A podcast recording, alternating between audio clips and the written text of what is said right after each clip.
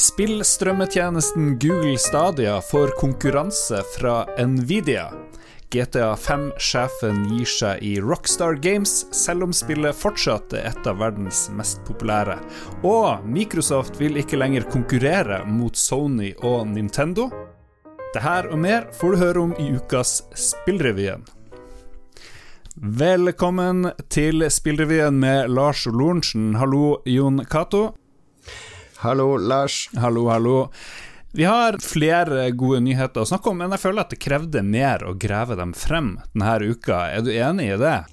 Ja. Når jeg jobba i Game Reactor, var det et krav om at vi skulle ha elleve nyheter hver dag. Da, var det, da, da hendte det at det var vanskelig. ok, så det her er bare piece of cake, faktisk. Det er piece of cake. Ja. Vi begynner med at eh, GeForce Now ble lansert i Norge og flere andre land 5.2. Det skriver tech.no.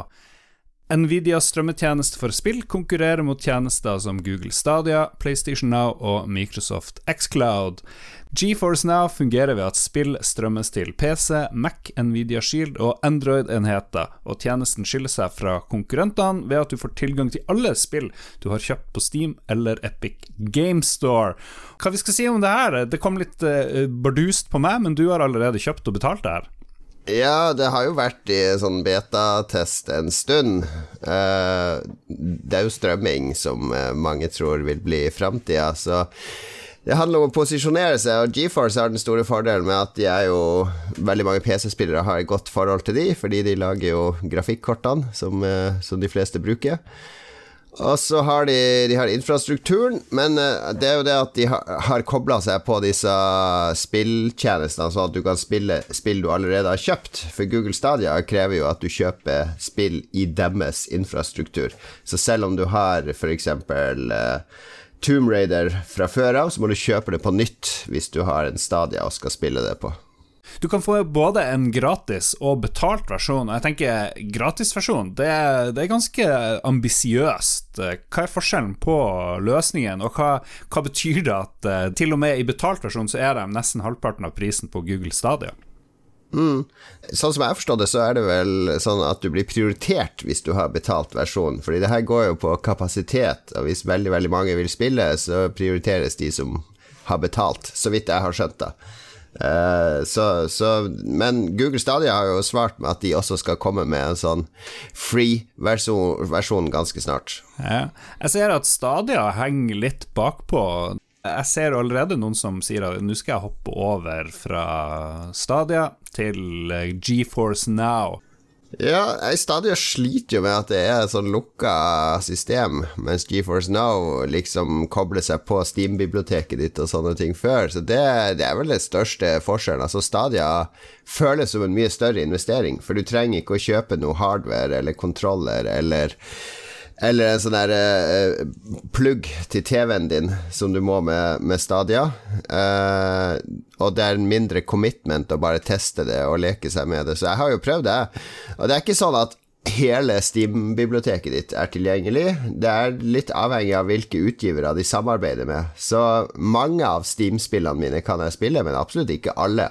Mm. Fordi ellers så måtte jo Nvidia har eid absolutt alle spillene, eller hadde en avtale med absolutt alle spillene på Steam, at de kan spilles på deres PC-er eh, og strømmes.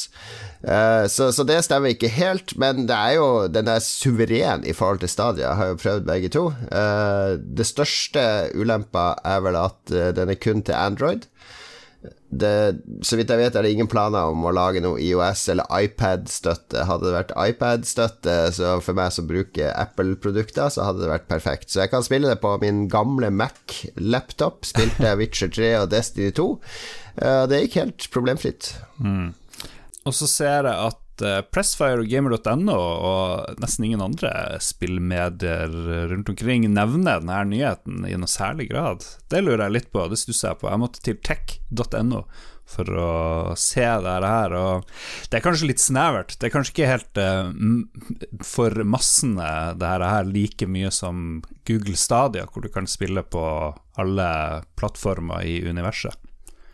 Ja, Google Stadia er jo en ny håndkontroll. Og visuelt sett så er jo Google Stadia lettere å lage nyhetssaker på. Det her vet du som er journalist òg. Fordi i Google Stadia så har du en helt ny håndkontroller og masse sånn grafikk og promoting.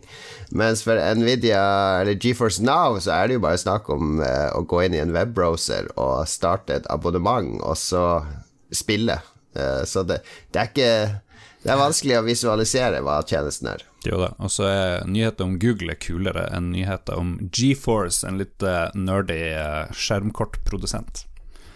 Men de er et gigantisk selskap. De leverer jo ikke bare spillprodukter, de, de lager jo produkter som brukes i veldig mange industrier, så det er jo absolutt et, et selskap som er verdt å følge med på. Ja. Vi skal snakke mer om streaming etter hvert, men først så tar vi for oss at Grand Theft Auto 5 fra 2013 har solgt eh, ganske heftige 120 millioner eksemplarer til nå. Det som er litt spennende, er at Eh, spillet etter flere år med rundt 15 millioner salg i året. Eh, fikk en liten dupp i 2018, og så bare osj, 2019 så steg det opp til 20 millioner.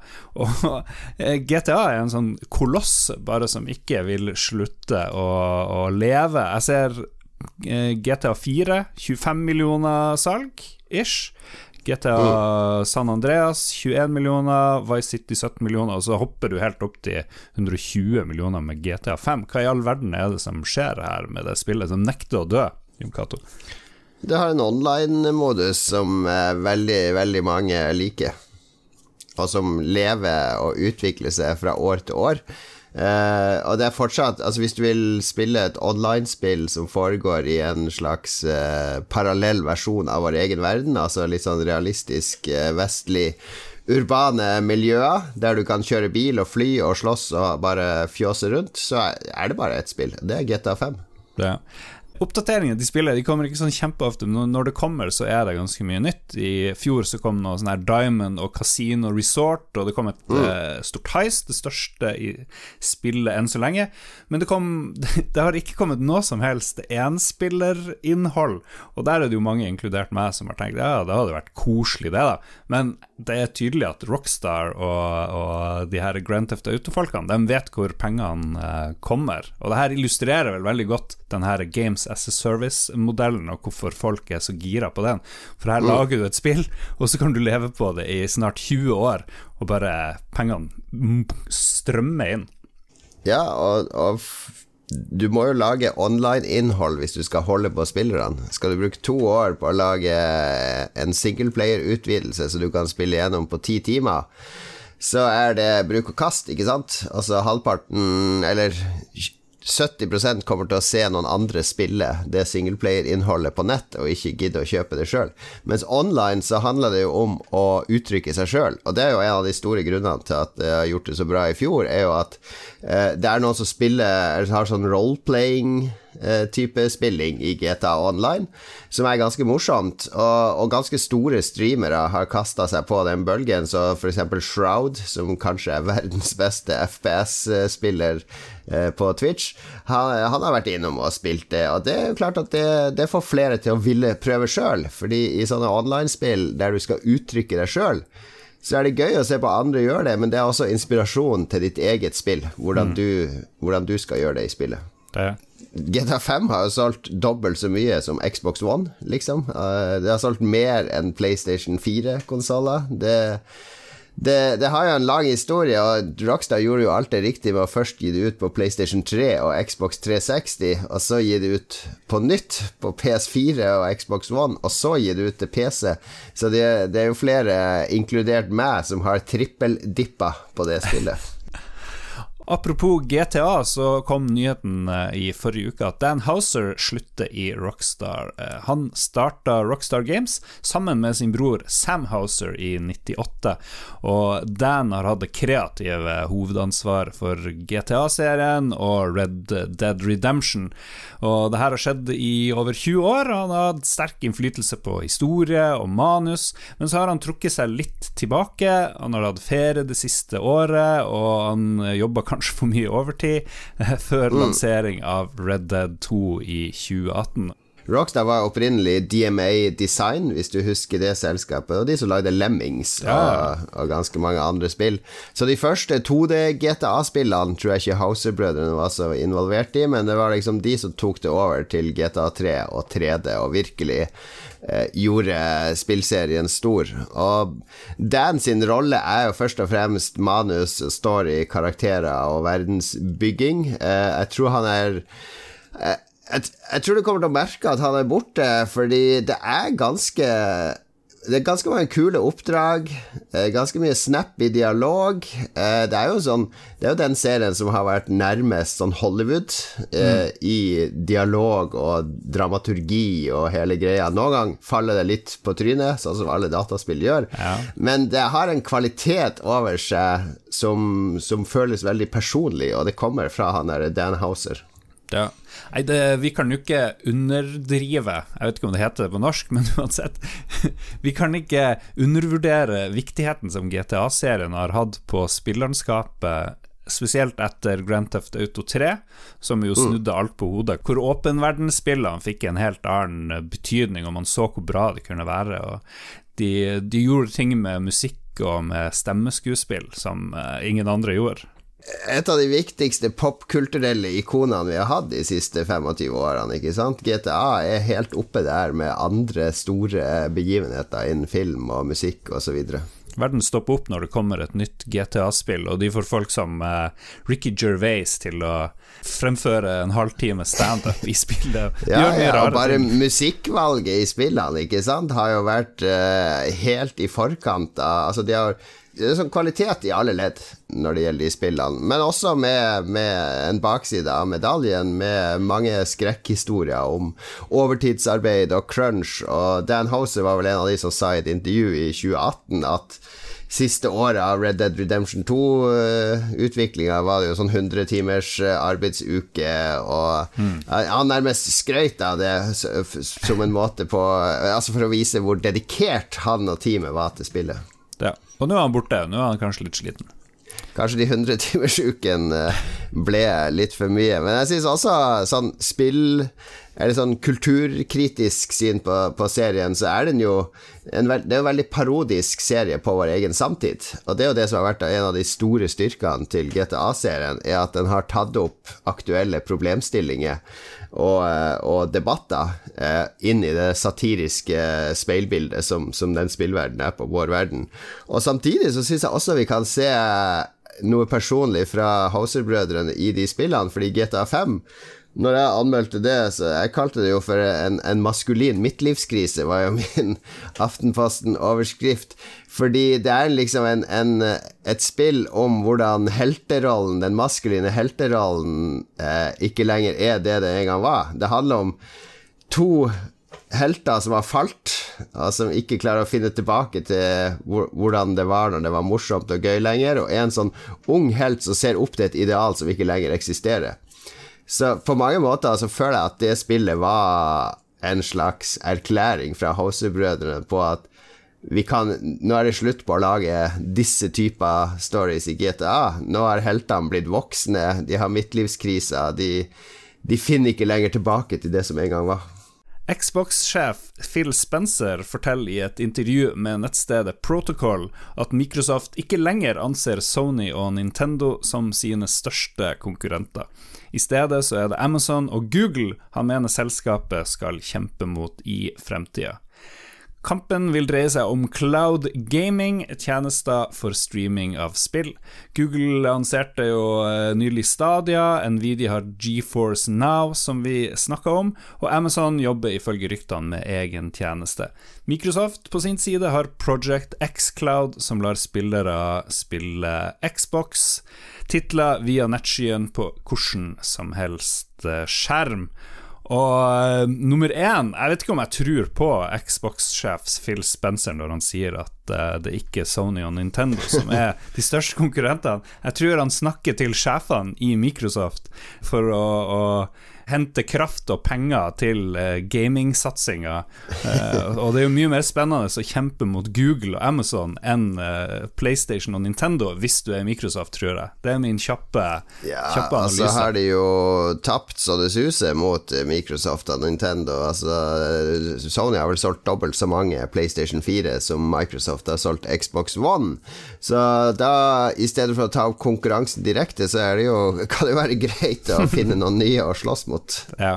Hvor viktig er cloud gaming? Det er jo det han retter fokuset på her. Det er jo ikke mm. stort i dag i det hele tatt. Nei, men det du må tenke deg hva det kommer til å bli når internett er enda raskere og mer stabilt. Og, og, så må du tenke deg på hvem majoriteten av spillere er. For du vil fortsatt ha en sånn gruppe spillere på 10-15 millioner som er sånn at de skal ha egen hardware, og alt skal kjøres lokalt, og de skal investere i de dyreste skjermkortene og den dyreste maskinvaren for å kjøre spillene uh, superkjapt hjemme hos seg. Og, men det er de er ikke en gruppe på mange hundre millioner mennesker, dette. Det er derimot de som spiller Fifa, eller bruker spill til å slappe av, og kanskje ikke er dedikerte gamere. Og du kan tenke deg om fem år, la oss si at, eh, at eh, Stadia eller Nvidia eller Microsoft har en avtale med LG og Samsung, så alle nye LG-TV-er kommer med innebygd Xbox-streaming og følger med en håndkontroll. Så du trenger ikke kjøpe en spillkonsoll, du bare trykker på en knapp på TV-en din, og så kan du Ja, der er Fifa, det vil jeg spille, og så ti sekunder senere så er du i gang med å spille Fifa, som da blir strømma fra en server rett inn i TV-en din, eh, mens eh, mm. håndkontrollen som følger med, sender signaler ja. Apple har jo hatt eh, linje rett inn i hjemmene til folk eh, ganske lenge med, med sine produkter, f.eks. Ja. Apple-TV og sånn, og de har liksom ikke benytta seg av det i det hele tatt. Det Nei, klart. for utfordringa har jo vært at du må ikke ha en linje inn, du må også ha linje ut, ikke sant. Eh, fordi når du skal spille noe, så skal jo spillet respondere på det du gjør, så det må sendes et signal fra deg til denne serveren som kjører spillet, og så tilbake til skjermen som du ser spillet på. Og, og, der har jo latency vært det store problemet, at det har tatt flere sekunder fra du trykker på skyteknappen eller hoppeknappen til uh, dere får respons på skjermen. Men nå er den latencyen ganske lav, og den blir lavere for hvert år som går, så det kan faktisk bli realitet nå. Og grunnen til at alle tror at det blir fremtida, er jo Eh, hvor mye film kjøper du nå, kontra versus hvor mye du streamer? Hvor mye musikk kjøper du nå, kontra hvor mye du streamer, ikke sant? Og det vil skje med spill òg, så snart det blir helt smertefritt og, og naturlig å spille på den måten. Microsoft driver jo og taper konsollkampen egentlig nå. Mm. Eh, hvor sannsynlig er det at de kan lykkes i å kjempe mot Sony og Nintendo, og samtidig gå mot eh, Nvidia og Google Stadia eh, i én og samme kamp? Det, det virker som eh, Tyskland under andre verdenskrig. De åpner opp på mange fronter her samtidig. Jeg trodde ikke vi skulle snakke så mye om Tyskland i andre verdenskrig i denne podkasten. Så mitt snitt til å få litt eh, andre verdenskrig-historie ja, men, men, jeg skjønner hva du mener. De åpnet på en måte to fronter her, og så er det litt sånn at de vil ha i pose og sekk.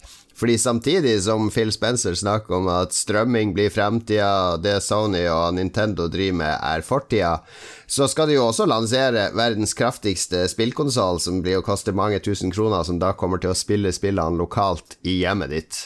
Så det er litt som eh, Det er litt sånn splitta personlighet her, eh, at de satser på begge ting. De satser på både rødt og svart på kasinoet, på en måte. Eh, men det tror jeg også er fordi de skal holde litt på denne gamerdemografien. Og da må de fortsatt please gamerne ved å levere god hardware så du kan ta inn i hjemmet ditt. Og så skal de fase disse over til strømmetjenesten gradvis. Sakte, men sikkert. Hver uke så ser vi på de nye spillene som har kommet i uka som gikk. Og denne gangen så ser vi nærmere på to av titlene kom 4. og 5. februar. Først var det The Dark Crystal Age of Resistance, som virker å være basert på Netflix-serien, stemmer det? Absolutt. Taktisk eh, strategispill som jeg tror har blitt satt sammen i litt hui og hast for å, eh, for å ri på populariteten til Netflix-serien som reviva den gamle 80-tallsfilmen The Dark Crystal. Mm, Får meg til å tenke på gode gamle 80-tallet og selskap som Ocean som bare casha inn på eh, Robocop og alle mulige rare filmfranchiser. Det kosta ingenting for film- og TV-serielisenser på 80-tallet. Det, var- det var ingen av eh, film- og TV-produsentene som så noe penger i det, så de bare ga de bort, omtrent. Ja, gode gamle tider. Så kom Apple Slash, et norsk spill fra André Gjelvik. Og vi har tatt en kjapp prat med han om det. Eh, Det er et uh, 2D-spill i pixel art som baserer seg i et eh, lite myrområde. Og det er liksom ikke super story-driven, men det er liksom mer fokus på spill mechanics og liksom the fun-aspekt av det. jeg har liksom prøvd å det sånn at, eh, at det er juicy as fuck og liksom føles bra. Jeg så at du ga ut to spill i 2018 og ett i 2020. Hva, hva er opp med tempoet? Hvordan, hvordan jobber du? Hvordan får du ut ting så fort? Jeg syns det er kult å liksom kunne leke med flere konsepter uten å liksom å gjøre en svær ting av det. Med mindre det har veldig stor trafikk med en gang. Så det er litt sånn shotgun-metoden hvor man bare peiser på med konsepter. Men uh, ja, jeg er ikke så flink på den metoden heller, for de ender opp å ta et år eller mer uansett. Men uh, jeg har liksom lyst til å gjøre sånn at man gir ut spill ofte, bare for å se hva som tar av og gjør det bra. Og så skape en, en fanbase som kan støtte deg til et større prosjekt senere. 24 år og har laga Gitt ut tre spill allerede. Ja. Hva hadde du gjort i en alder på 24, Lars? Nei, du vet nå. Vi drev nå og hang. Spilte Nintendo. Ja, ja, ja. All right. Da er vi ferdig med ukens eh, gjennomgang av de viktigste sakene fra spillverdenen. Vi er tilbake om syv dager. I mellomtida så kan du sjekke vår andre podkast Lolbua, et eh, lengre og mer populærkulturelt show der vi ikke bare snakker om spill, men òg veldig mye teit. Vi har potetgulltester, vi inviterer mormonere inn i vårt hus. Vi snakker om eh, ja, alt mellom himmel og jord. Hvordan man overlever på en eh, oljeplattform under zombieutbrudd osv. Det bør du finne i din feed hvis du vil ha mer fra både Lars og Lorentzen. Takk for oss, ha det bra, vi ses igjen. Ha det. Ses igjen, ses igjen, høres igjen.